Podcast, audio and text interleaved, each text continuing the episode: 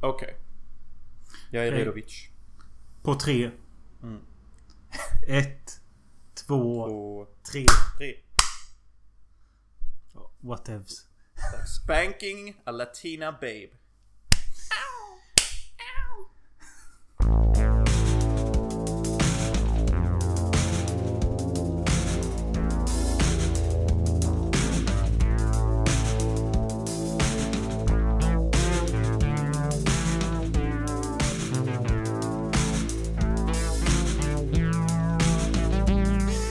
Eh, Jag hade tänkt att skita i att ge dig något uppdrag att öppna podden med idag. Men så kom jag på att det passar ju rätt bra om du hade försökt öppna den som en sportkommentator.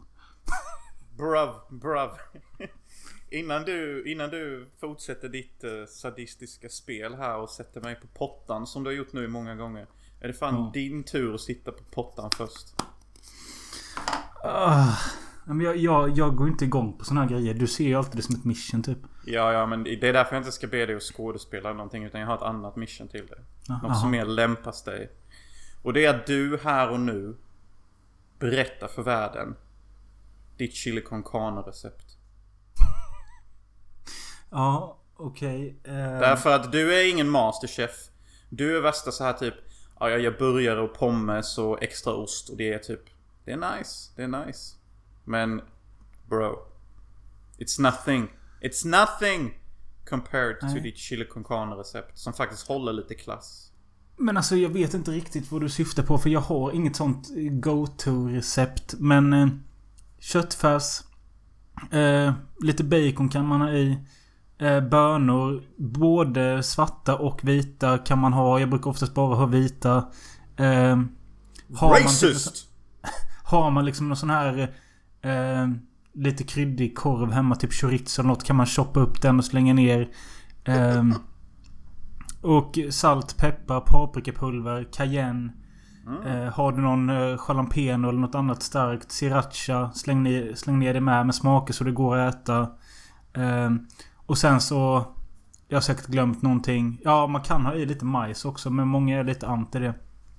Eh, och sen så, många gillar ju att äta det med ris. Jag har aldrig gillat det. Eh, jag tycker att du ska bara ha den här grytsörjan. Det du kan ha till är ett eh, vitt fransbröd eller något. Racist! Och eh, jättehärligt, jättegott. Uh, fan vad gött att vi fick det för att uh, Jag älskar ju ditt uh, chili con carne recept. Uh, och det, jag vill minnas att det är det enda jag egentligen tycker har varit supergott som jag har ätit av dig. Dina, dina burgare och sånt är ju bättre än gatuköket i Hyltebruk. Men ain't saying too much. Jo men alltså När vi har käkat hamburgare då har jag köpt frysta jävla skanburgare och så har vi stekt på dem och lagt på vad vi vill. Det är ju inte jag som bidrar med någonting. Nu när jag börjat göra de här jävla smashburgarna så gör jag ju någonting aktivt och eh, lite mer förberedelse.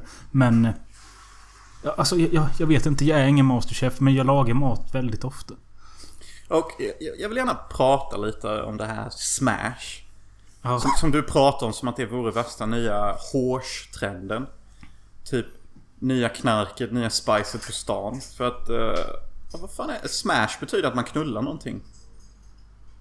Eh, ja, kanske på något jävla coolt street language. Men... eh, nej, men alltså det är inget nytt. Jag vet inte hur många år det har funnits. Men det känns som att det har varit en het grej i Sverige i tre till fem år. Ehm, jag kommer inte ihåg när jag hörde talas om det först. Men det är väl typ tre år sedan. Tyckte det lät lite löjligt att... Eh, alltså grejen är att du ska liksom steka på så hög värme som möjligt. Göra färsen till en liten boll. Eh, pressa det stenhårt ner i pannan. Så att det liksom blir eh, knaprigt, hårt stekt.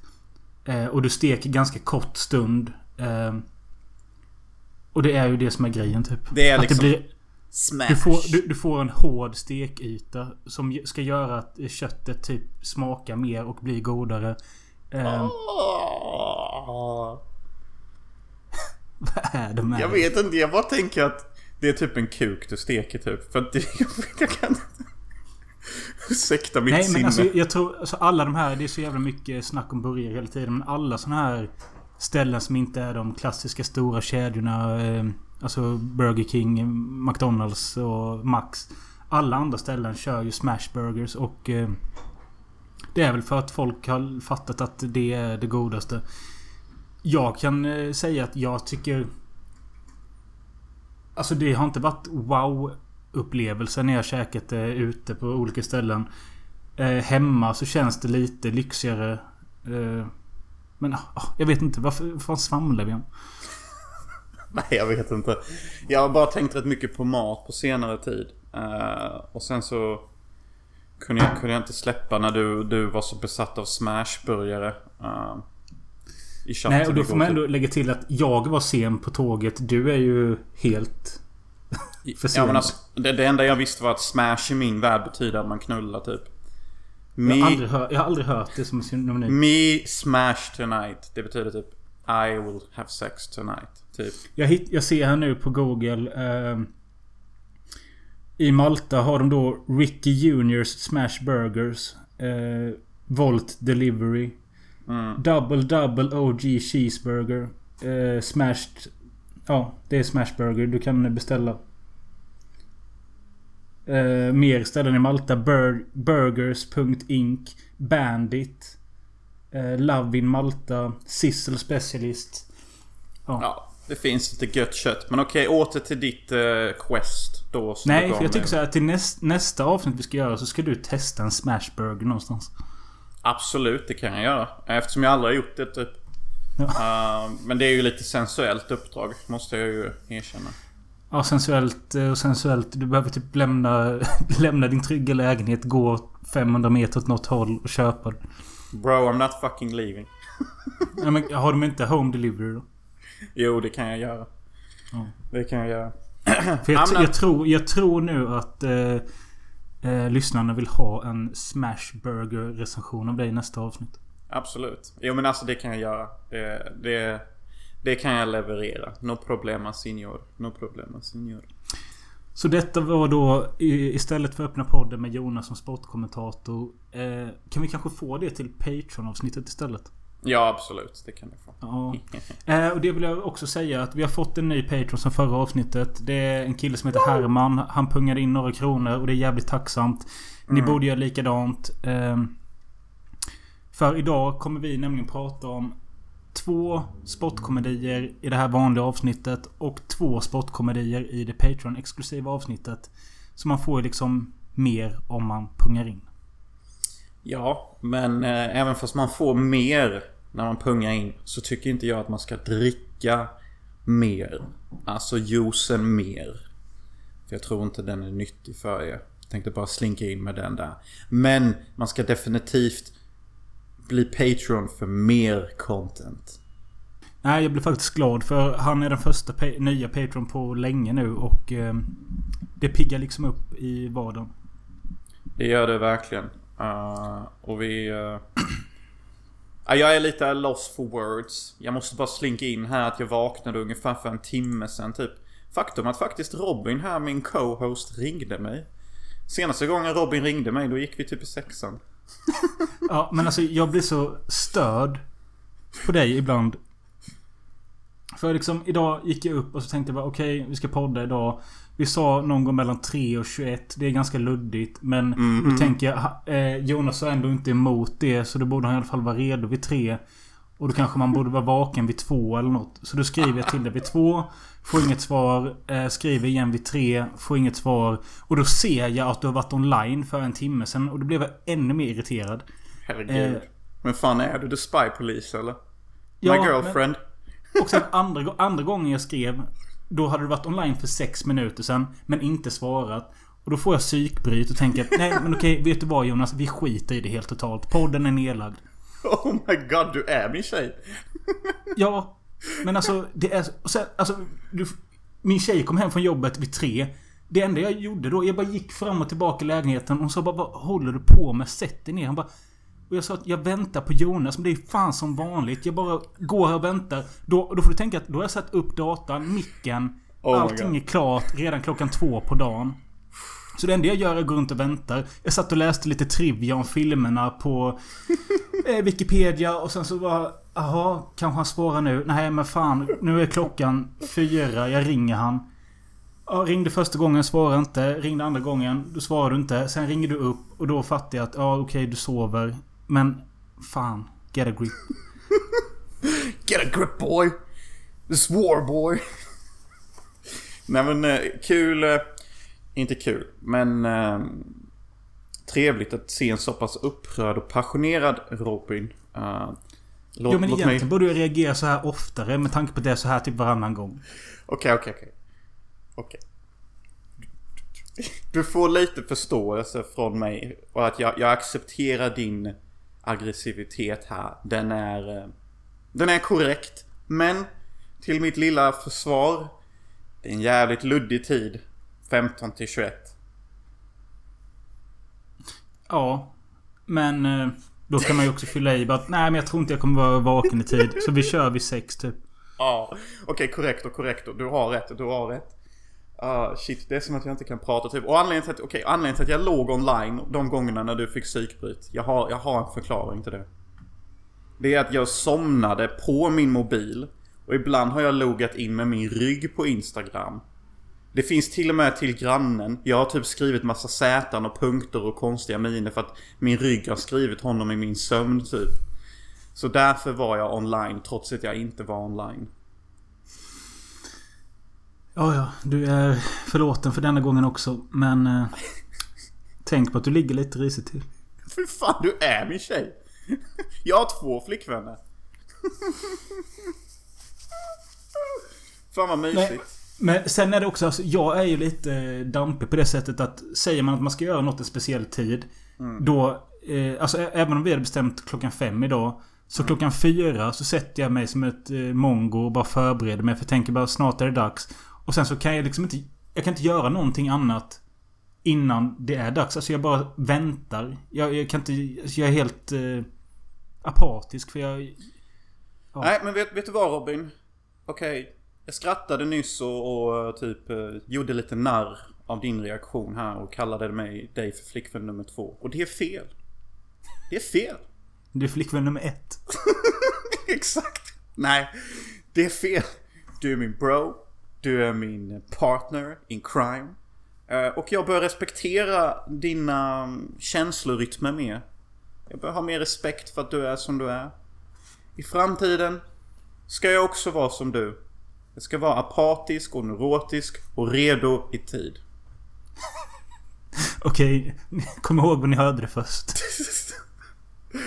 För att du har rätt. För att när, jag, när du säger 15 till 21, då tänker min hjärna så här. Ja, men då är det ju en grace period från 3 till 5 typ. Man kan sova, man kan chilla, man kan bygga upp batterierna. Då börjar vi 5 någon gång. Typ. Ja, men alltså, det, vi hade inte behövt... Det hade ju bara räckt liksom att jag hade fått ett livstecken av dig mellan typ 2 och 4. Ja. Och du hade sagt liksom, vi kör vid 6.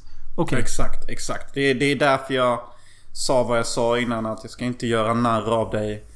Och typ göra en parodi på ditt beteende som att du är min eh, andra hälft. Fast nummer två då. Andra hälft nummer två. Jag är rövhålet. ja, typ. Vad fan skulle du suga mig i röv?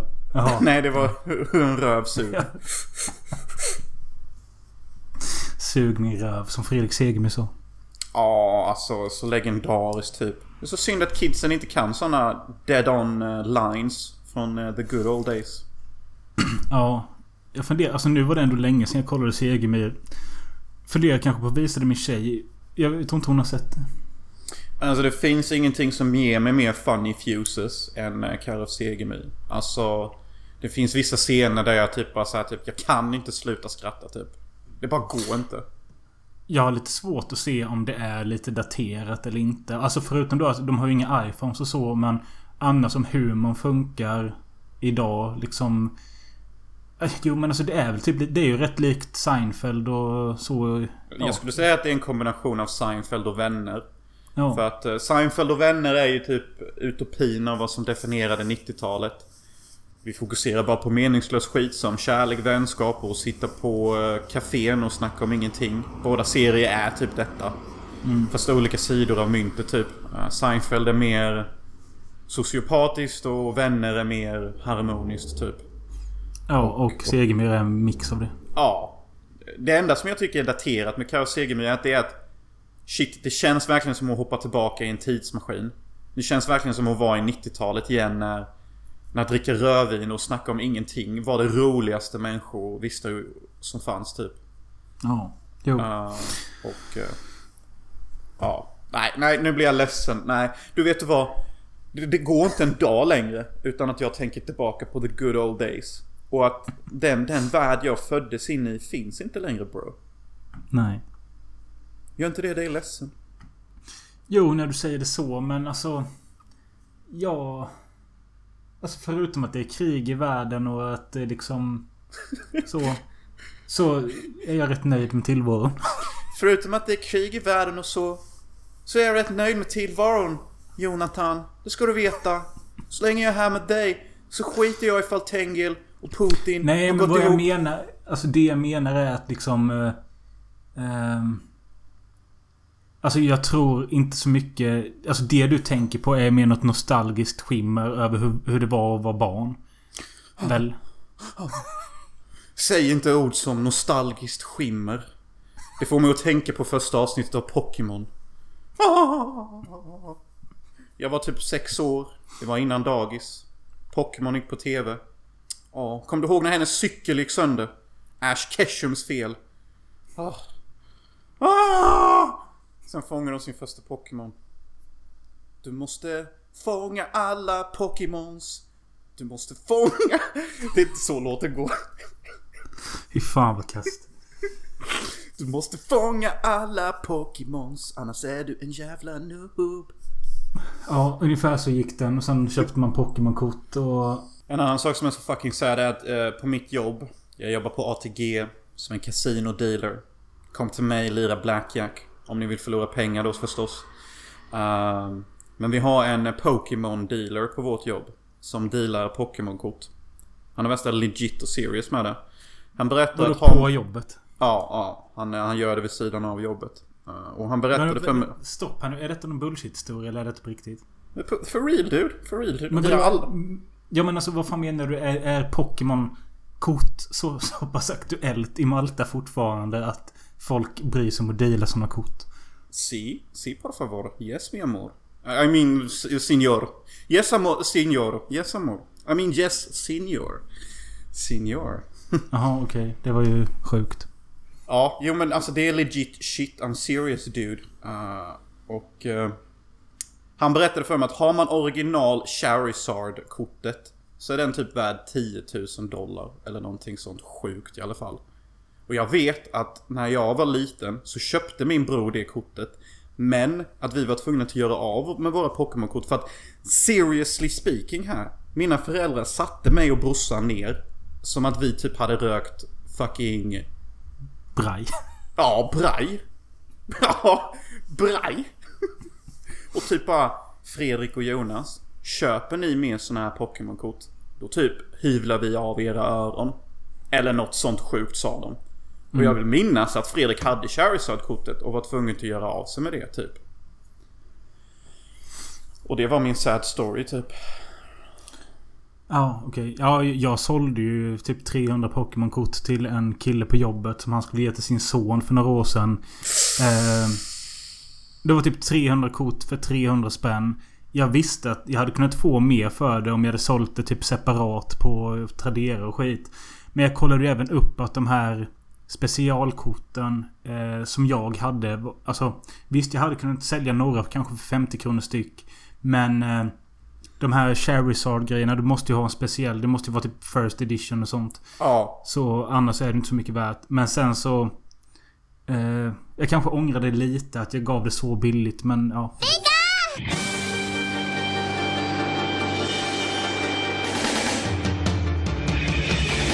Nu tänker bäst och bygga upp ett lag. Det är dags att snacka lite sportkomedier. Eh, det är rätt sjukt också att vi är inne i ett flow med bara en massa komedier. Det var romcoms och sen förra gången var det sexkomedier. Och nu ja. då sportkomedier. Vi, eh. vi balanserar ut vår naturliga sorg vardagen giver oss med, eh, med sportkomedier och andra komedier verkar det som typ. Tror du det är på det Ja. viset? Och det är väl en genre som alltid har varit lite småkul. Ja, det är väl ingen favorit eh, subgenre egentligen men... Eh, jag har ju haft alltså Happy Gilmore där Adam Sandler spelar golf. Har jag ju haft som en barndomsfavorit. Jag tycker fortfarande den är kul. Det är lite skoj. Man tänker knappt inte på den som en sportkomedi för att jag har lite svårt att se golf som en sport. Eftersom man mest bara går omkring och typ softar i en caddy. Du har till och med en jävla slav som följer efter dig och ger dig verktygen till sporten. Du kan bokstavligt talat dricka öl och röka cigg samtidigt som du golfar i hål i hålen. Eller vad fan jag nu sa typ. Ja. Men du, du har ju helt rätt, det är ju en sport. Precis lika mycket som curling Men det känns också som Adam Sandlers komedier. De räknar man mer som Adam Sandler-komedier. Word. Alltså... Det, det är ju en egen genre typ. Är det ju. Han gjorde ju även den här The Waterboy där han eh, Waterboy åt ett eh, rugbylag. Och sen så gjorde han den andra rugbyfilmen. Vad fan heter den? Benknäckargänget heter den på svenska. Och den är rätt kul. Den är rätt bra. Och nu när vi ändå namedroppar lite sportkomedier. En av mina absoluta favoritsportkomedier är ju Dodgeball. Som är en riktig klassiker alltså. Ja, och här. Nu är det okej för dig att nämna den. När du tar upp den 17 gånger som en romantisk komedi så vill jag ju jag ta fram Jürgen. Det förstår jag lite för den romantiska aspekten tar typ upp en halv procent av filmen. Om ens det typ. Uh, Ja, men vill du veta? Jag har inte sett den. fy fan för dig alltså. Alltså nej, nu... Eh, varken du eller jag är ju särskilt sportintresserade. Alltså, vi kollar ju inte på någon sport på TV direkt. Har aldrig gjort. Och Nej. eh, utövat sport. Jag höll på med pingis i många år. Jag spelade lite innebandy. Sköt lite luftgevär om det nog räknas. Ja men det gör väl typ det. Eh, Min sporthistoria är att jag spelade fotboll i två år. Sen så fick jag återberättat att jag la den legendariska repliken Nej men nu har jag ju lärt mig allt. Och det var därför jag slutade. Nice. Du hade för stort ego redan då. Verkligen. Eh, Och detta kommer från en kille som trodde att mittfältare betydde att bara stå i mitten i en rak linje. ja, Jag vet hade redan lärt mig allt. Ja. det är kul. Eh, nej men just det, på tal om pingis. Det, alltså, det var jag ändå engagerad i länge. Och jag kom på Ja. det. Kom du ihåg den pingisfilmen? Balls of Fury. Ja med... eh, Christopher Walken Ja. som en ond jävel. Den Som var rätt kul. för Ja, som en ond, ond pingisproffs där ja. Eh, Ja, den är kul som fan faktiskt. Uh, skoj du nämner den. Eh, sen får vi ju inte glömma bort filmen LAN. Som inte har gjorts än. men som jag tänkte kunde vara en e-sportsfilm på Counter-Strike. Hade varit kul att se. Ja. Det, det tycker Jo. jag är en film som borde gjorts. Eh, vad har vi mer för eh, underbara sportfilmer? Jo, man växte ju upp med Mighty Ducks såklart. Eh, det gjorde jag i alla fall. ja, inte jag. Men jag har ju alltid känt till den. Nej, ja, Mighty Ducks är lika gammal som du och jag. Eh, sportfilm eh, från eh, 92. Med Emilio Estevez, bror till Charlie Sheen. Sen vad, vad vad har vi mer för sportfilm? Det finns ju massa sportfilmer liksom. Massa, massa.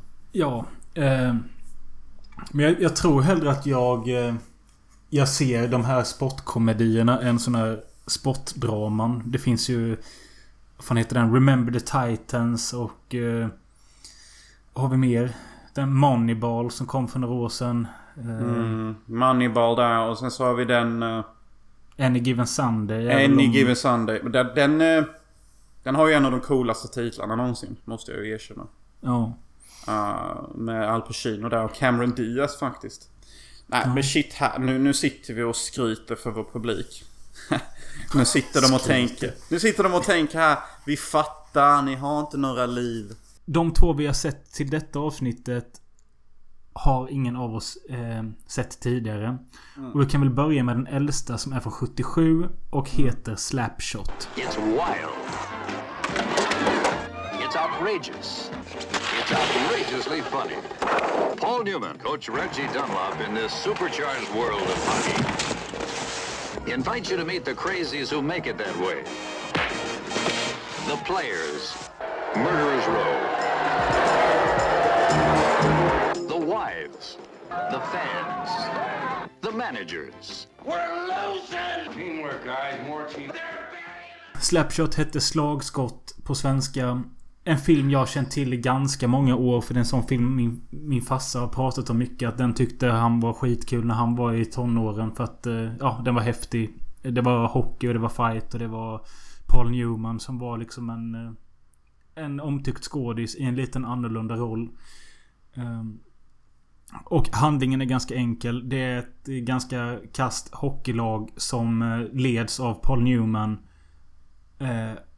Och det går dåligt för dem. De behöver liksom hitta på någonting och då blir det att börja fightas på isen istället. Och då tar de in tre bröder kallade Hanson Brothers. Och det börjar gå bättre för dem. Eller de blir i alla fall populära. Ja, för att de här tre Hanson Brothers De backar inte för en fight Och de går gärna in för en fight Och de är också relativt duktiga på hockey och kan faktiskt sätta mål traditionellt sett. Och det är rätt kul också att... Eh, alltså själva humorn med det ska väl vara att... De ser väldigt nördiga och töntiga ut och... Eh, jag tror de snackar mycket om att de fortfarande ringer mamma på kvällarna som, som skit. Och sen så är de liksom värsta fightmaskinerna på isen. Ja, de är värsta hunkar på isen. Eh, de leker också med det här underbara... Det hade jag också som liten. Racerbilar, du vet på sånt här lite det. Ja. Vin. Och sen anledningen till att de är så nördiga och sånt. Det är för att de, jag tror till och med Paul Newman i filmen säger att de är 17 år eller någonting. Ja, ja det är möjligt. Och det, jag älskar när man ser filmer från förr som 60 och 70-talet för typ... De säger att någon är 17. But motherfucker looks 30. Ja, verkligen. Det är liksom för att liksom det var hårdare på den tiden. Typ, du, du fick en cigg redan när du var fem. Du tog din första bira när du var sex. Du fick ditt första ligg när du var nio typ. Du, du växte upp lite snabbare förr i tiden typ. Eh, du började köra taxi som 14 för att kamma in lite cash liksom. Och sen så började Ja. du med hockey typ när du var 15. Och det resulterade i att man såg 25 ut när man var 17 typ. Den här filmen är gjord av en kille som heter George Roy Hill och han hade tidigare gjort eh, Blåsningen, alltså The Sting och Butch Cassidy and the Sundance Kid med både med Paul Newman. Och det var väl lite därför Paul Newman ställde upp för det är en ganska udda roll för honom. Han har ju, alltså innan detta hade han mest gjort väldigt seriösa roller. Vi har ju pratat om han tidigare i Katt på hett plåttak. Kommer du ihåg den? Ja. Eh, Han, bara går everyone... dricker, han går runt och dricker whisky hela tiden. Nej den här vet inte jag om jag har sett men jag känner igen Vi- att du har pratat om den. Nej men vi gjorde ett avsnitt som heter Katter tror jag. Där han spelar en... eh, En eh, idrottsstjärna som har skadat benet. Och hela, hela filmen är att han går runt i huset och dricker whisky och väntar på kicken säger han. Och eh, hans fru spelas av Elizabeth Taylor. Och så har de en stor tjock pappa som kallas Big Daddy. Och så utspelas allting i en lägenhet. Den är byggd på en teaterpjäs. Ja det är Who's afraid, Who's afraid of Virginia Woolf. Nej, det är inte den. Nej den här känner inte jag igen. Jag har väl en... Jag har väl en liten parasit i hjärnan som har ätit bort detta specifika minne typ. Ja, skitsamma, men jag har i alla fall kommit till eh, en conclusion att Paul Newman är en av mina favoritskådisar. Jag har sett väldigt mycket av honom nu på sistone. Och han är bara så jävla stabil och skön att titta på. And you wish to have intercourse with him, am I correct? Yes. Men eh, det som var kul också var att eh, han... Eh, jag blev förvånad när jag satte igång den här filmen att... Det var så pass... Grovt språk. Alltså det är väldigt mycket fuck hit och dit. Och det känns som att... Jag vet inte varför, men jag tänker aldrig att det ska vara det i amerikanska filmer från den här tiden. Alltså 70-talet. Det känns som att det kom lite senare. För här är det väldigt mycket fuck you, fuck your mom, hej, hej och hå. eh, Och det har Paul Newman sagt att han var inte van vid att svära så här mycket. Eh, Nej det är ju, det är ju väldigt mycket som är... That fucking wife is a fucking dyke. And you better fucking fuck her up before she fucks you, you motherfucking fuck. Det där var Ja, typ jag skrev- ganska kast Jag men... skrev, skrev det till dig. Jag tyckte det var jävligt kul när de diskuterade. Bara, If his wife is a dyke, do- does that mean that he's a fag? Alltså, alltså det, det är så mysigt att sitta och lyssna på dig här nu. Du, du är värsta, du är värsta, jag vet inte, värsta kunniga människan här som bara kan förklara filmen typ. Ehm, men om vi Jag sa, säger så jag här. sa ett citat från filmen.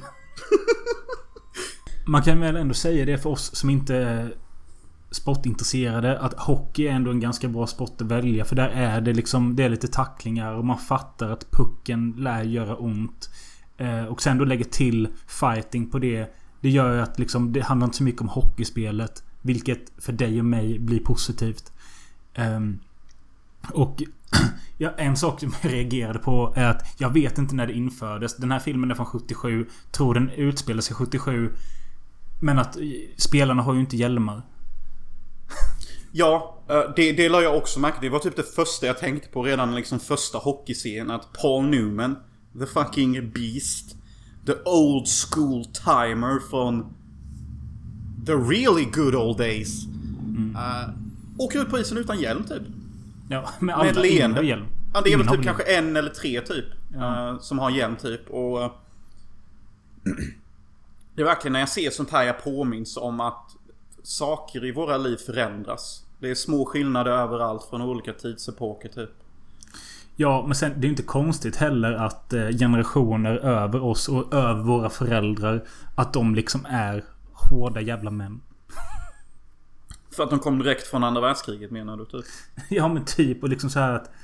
Ja men... Eh, alltså man, det ska liksom göra ont att leva. ja men eh, visst, visst var de sådana? Ja. De där eh, våra farfar och morfar och sånt. Ja. De, de var ju alltid sånt. De tog ju, de tog ju ära i smärta typ. ja. Ja men typ såhär bara när jag jobbade in i fabriken skulle vi egentligen ha säkerhetshandskar på oss. Men jag bara körde in min näve där och när jag tog ut näven då var det hundra blåsor på den. Trodde jag bydde mig när jag spottade på min näve och doppade den i is och gjorde det igen liksom. typ så ja. låter de. Ja. Uh, men uh, det finns ju faktiskt en uh, spelare i det här Slapshot-laget som tycker att det har blivit lite löjligt att fokusera allting på fight. och det är eh, skådisen Michael Ontkin som eh, vi känner igen som Sheriff eh, Truman i Twin Peaks. I en väldigt tidig roll här. Ja, och när han, jag han såg ju, det. Det var ju helt ja, stört alltså, att han med.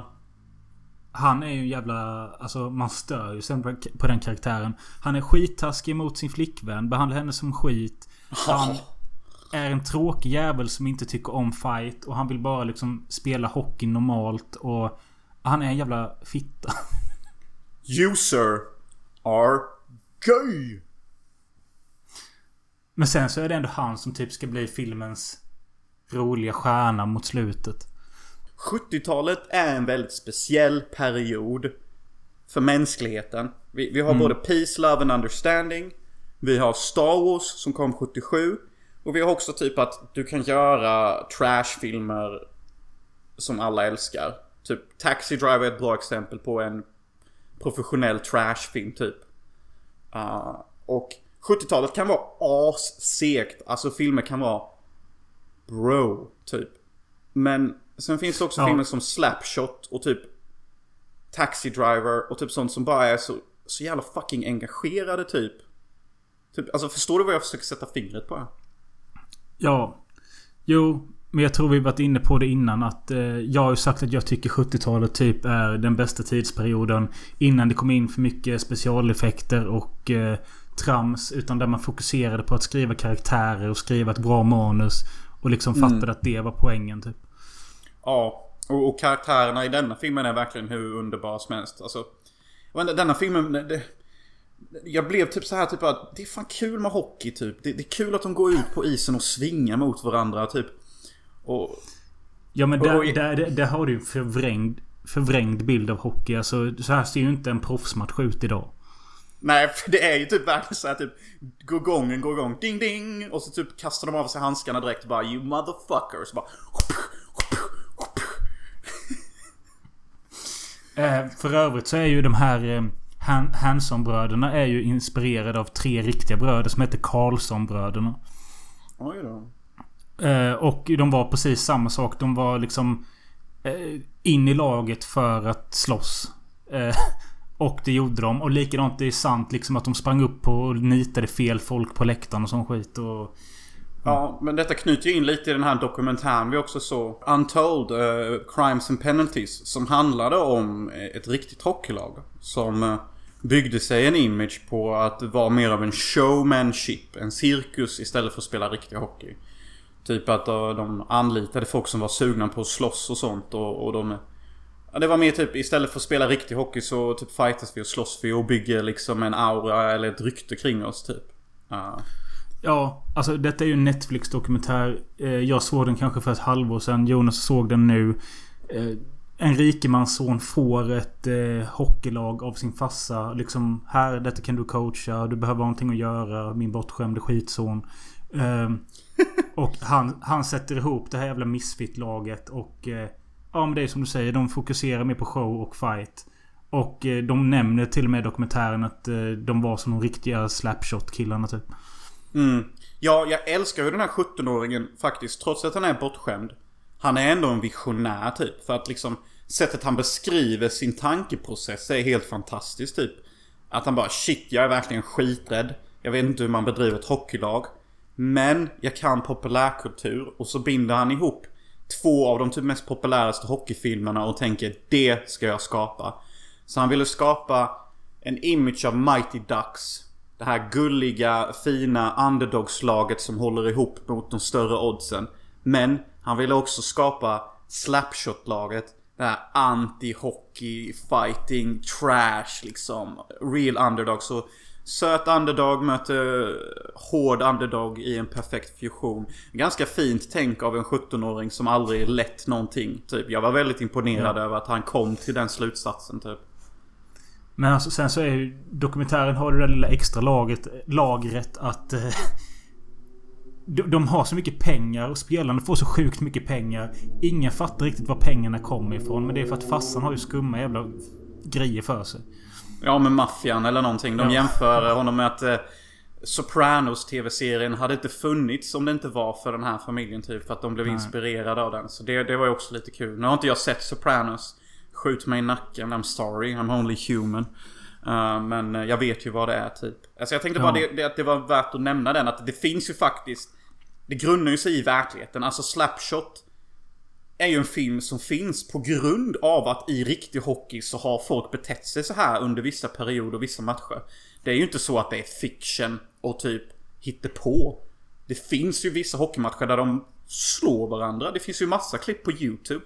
Detta är ju Ja. inte så mycket fantasi som det egentligen framstår som. Men jag Det tycker det är jag kul påstå. med... Alltså det, det får man ju säga med att både med Slapshot och eh, Untold Så är det ju att de här lagen är ju liksom De är inte uppe i A-ligan utan detta är liksom snäppet under och det är väl därför det är lite mer okej att de beter sig som de gör. Ja, för det är inte lika mycket camera coverage på sig. Det är inte lika mycket sponsorer och sånt. Nej, mycket i den Untold är väl att någon filmar med en vanlig jävla handycam. Eh, Ja. För att under vissa fighter så hade de bryt, äh, brytit the live feed från tvn då typ för att det blev för våldsamt typ. Men alltså, jag tycker det är kul med att Alltså så jävligt som de pucklar på varandra där eh, I de här riktiga matcherna eh, Och liksom att folk tar med sig liksäckar och slänger ut på isen för att de vill liksom se mer blod. Alltså, det, är, det är så jävla sjukt egentligen. Alltså liksom att det blir accepterat att typ slå halvt ihjäl varandra bara för att det är på isen. Ja, och så skriker de. Det är nästan som i Gladiator typ att en hockeyspelare ska bara kasta en skridsko på publiken och bara Are you not entertained?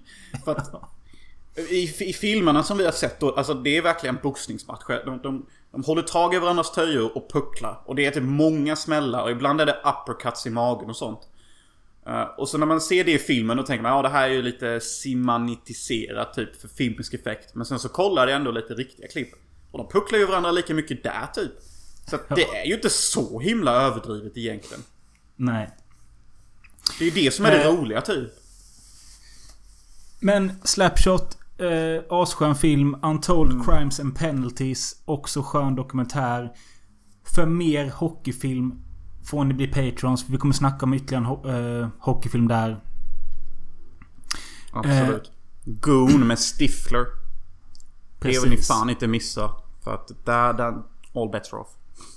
Men ska vi åka till Sverige istället 2006? Ja, det är faktiskt en period jag inte känner så mycket nostalgi för. För att då lämnade vi det som gjorde mänskligheten underbart. Jag vill påstå att eh, det vackra världen hade att erbjuda dog ut 2001. Okej. Ja, ja. Eh, Men ja, 2006 så gjorde Mårten Klingberg, känd för att ha gjort massa Beck-filmer, sin första långfilm Offside. Jag kan tänka mig att jobba med sport. Jag sökte jobb på TV-sporten för ett tag sedan. Jaha, när då? Eh, Det var tio år sedan. Ja, då är det nog tillsatt. Ni är arbetslösa båda två, stämmer det? Jag är arbetssökande. Han extraknäcker som älg också. Gud, vår allsmäktige fader. Låt denna boll sitta som gjuten i motståndarnas kryss.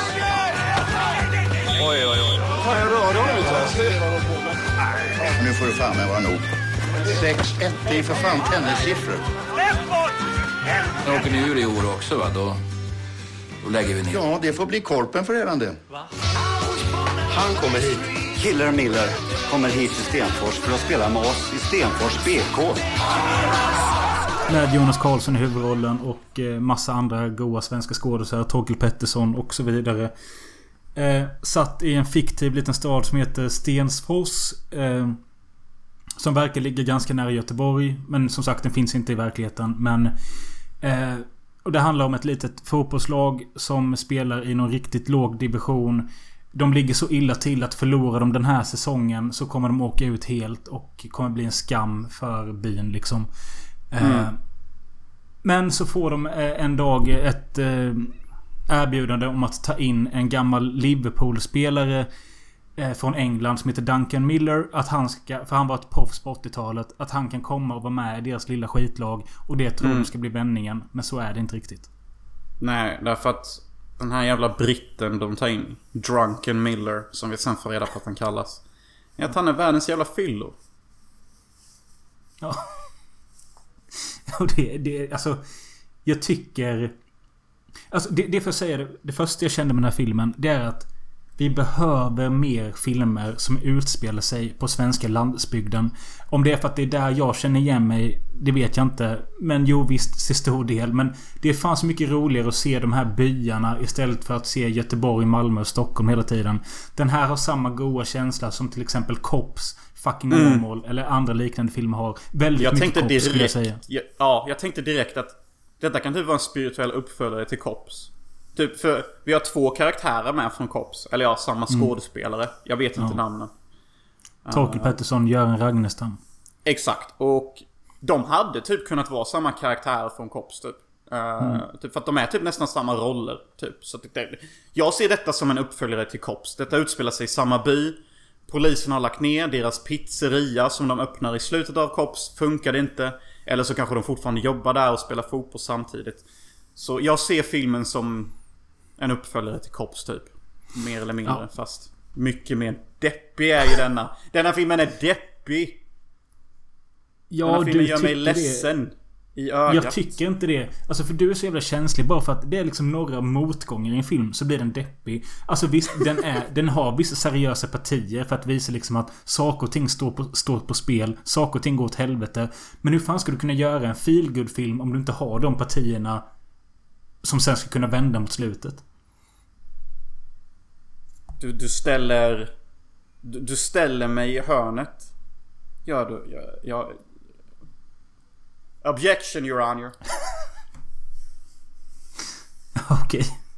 Ja, ja. Men eh, alltså, det är också lite konstigt eftersom... Jag har ju alltid liksom varit öppen för en svensk komedi. Speciellt från de här åren eh, runt 2000, 2005 där. Eh, Eller speciellt 90-tals 90-talskomedi kanske. Men det, jag tycker det är konstigt att vi inte har sett den här tidigare. Ja, alltså jag kommer ju ihåg när den kom. För våra boomerföräldrar tyckte det var så kul med den här svengeskan de alltid gör komik på. Typ för våra huvudpersoner är dåliga på engelska. Och vår, vår svenska huvudperson berättar i en scen typ When I went to school I wished to become a cock. Och han menar ju Ja. kock då, typ. Alltså kock, alltså laga mat. Ja. Men ja, alltså jag vet vad du är inne på. Jag tänkte att... Ja men fan det kanske känns lite så här bara typiskt svenskt och löjligt och... Men sen så bara... Fan det är ju kul. Och jag, jag, jag, kom, jag fick också en flashback till när vi går i högstadiet typ och någon... Någon har sett den här filmen och eh, drar citaten typ fucking skates. För det är också kul när han ser skater. Ja, skator eller kråkor då typ bara These fucking skates, we, we have a skate problem. Ja. Typ. Alltså visst, det, det är väl lite kul. Men alltså för mig, alltså denna filmen är inte feel good. Denna filmen är mer feel bad. And let me explain why. Därför att bli så full så att man tappar minnet och flörtar med någon annans tjej. Spyr ner taxibilar och dricker bort sitt liv för att man vill glömma att man fuckade upp för sin familj så att man inte får träffa sin son igen. Då känner inte jag good feelings. Då känner jag bad feelings. Och jag känner, för helvete vad mycket ångest den här personen Duncan Miller måste kännas. Som måste bokstavligt talat dricka sig blackout full.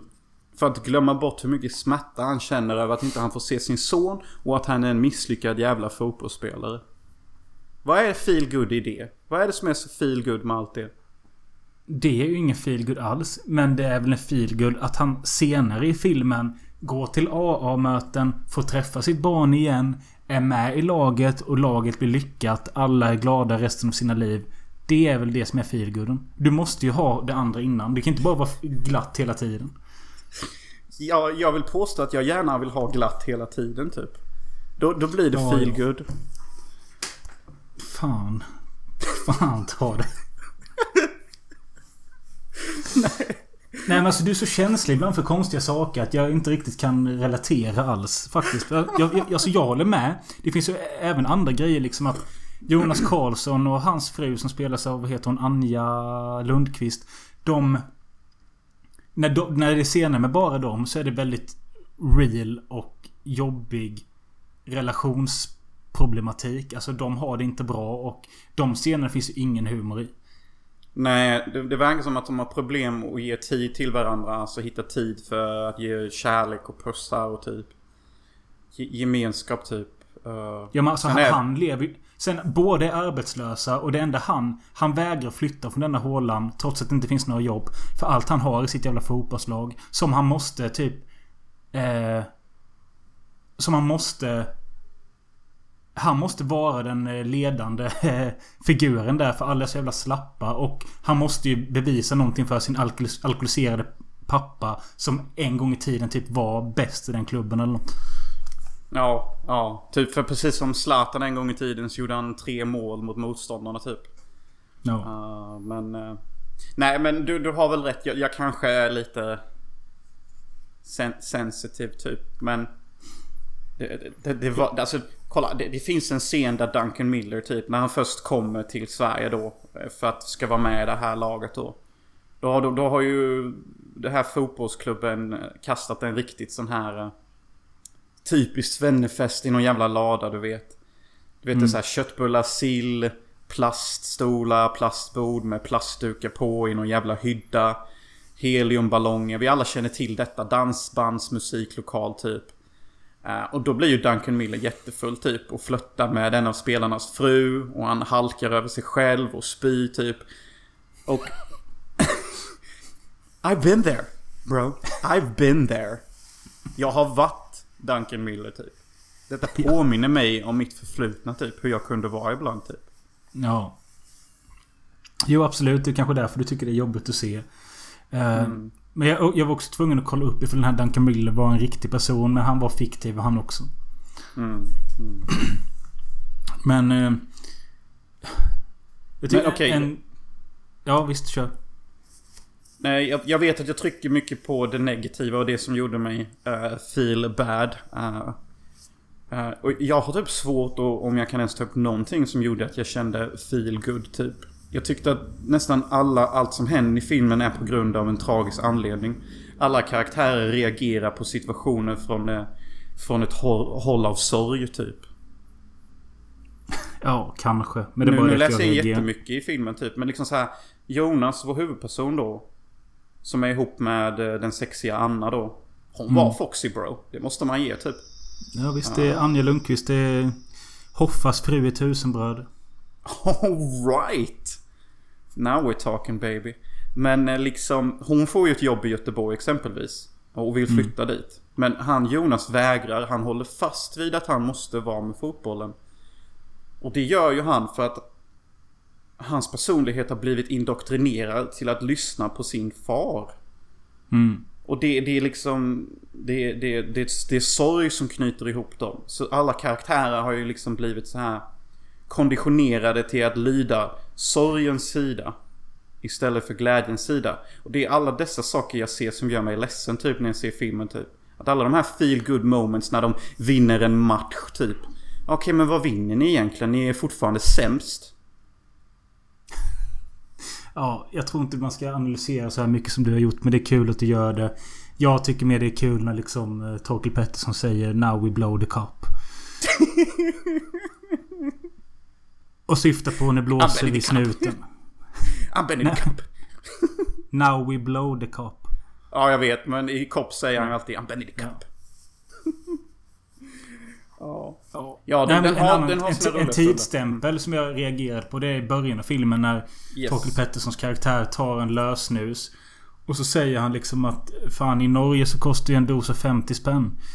Eh, och det är ju så jävla hån mot oss nu. 15 år senare. Där det inte... Alltså en do, dosa lös i Sverige kostar typ 67.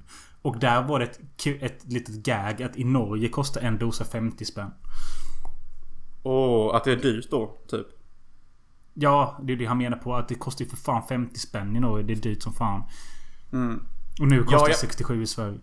Jag, jag ska säga en grej som jag tyckte var CP-kul i filmen. Och detta är, detta är så anti-PK och så omodernt att jag, jag kunde inte låta bli att skratta för att jag... Ja, jag är väl en demon antar jag. Men det är ju typ de, Duncan Miller då som blir coach. Han ser ju två svarta människor spela grym fotboll. Så att han anlitar ju dem. Och när han presenterar dem för laget, Torkel Pettersson, legend, kung, fucking macho man som han är. Skakar deras hand och säger ja men tjena, första negern i laget, fräsigt. Det är kul. Det är faktiskt kul. Kan det vara Han- han- sista... Han tar, ju fort, han tar ju först reda på... De kan inte ett ord svenska va? Nej. Då säger han. Ja, jag vet. Första negern i laget, fräsigt. Och Jonas Karlsson sitter jämte med vad fan skärp dig typ. Kan detta Jag- jag vara... Jag måste bara fråga en sån här sak. Kan detta vara sista svenska filmen vi hörde n-ordet i? Mm. Ja, kanske. Lagt Det som är- komisk effekt då. Ja, jo. Men det är nog fan möjligt att det var precis i skarven där. Sen var det inte kul längre. Mm. Men... Eh, det är också... För, för visst får man ingen...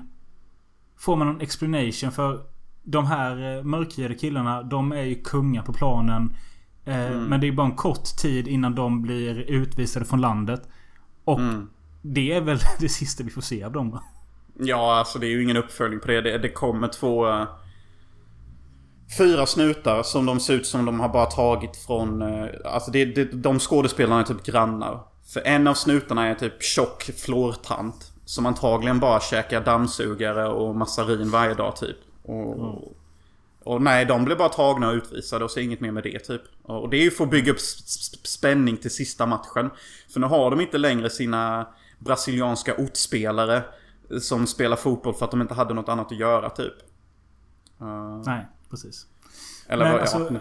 Du verkar ju haft en mer negativ upplevelse än vad jag hade. Jag såg den ihop Mm. med min tjej. Hon kollade lite halvt om halvt. Men hon verkade också tycka den var rätt trevlig. Och jag satt ändå i slutet och bara... Ja, men fan. Rätt skön film. Fyra av fem? Nej, jag sa rätt skön film. Tre av fem. Den. Okej, bra. Bra. Bra. Nej men jag, jag tänker li, lite likadant. Typ. Alltså visst.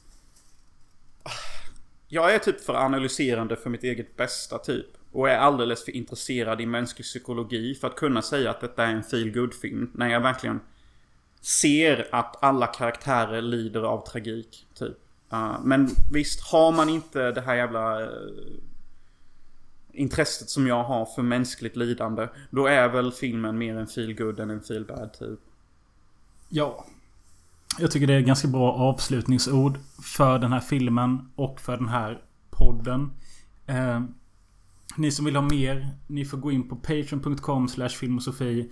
Donera valfri summa och ni kommer nu direkt efter detta kunna lyssna på när vi pratar om sportfilmerna White Man Can't Jump från 92 och Goon från 2011. Två helt underbara fucking filmer presenterade av helt två underbara poddare. You motherfuckers. Yes. Var det nödvändigt? Jag vet inte. Vi säger så. Hej då.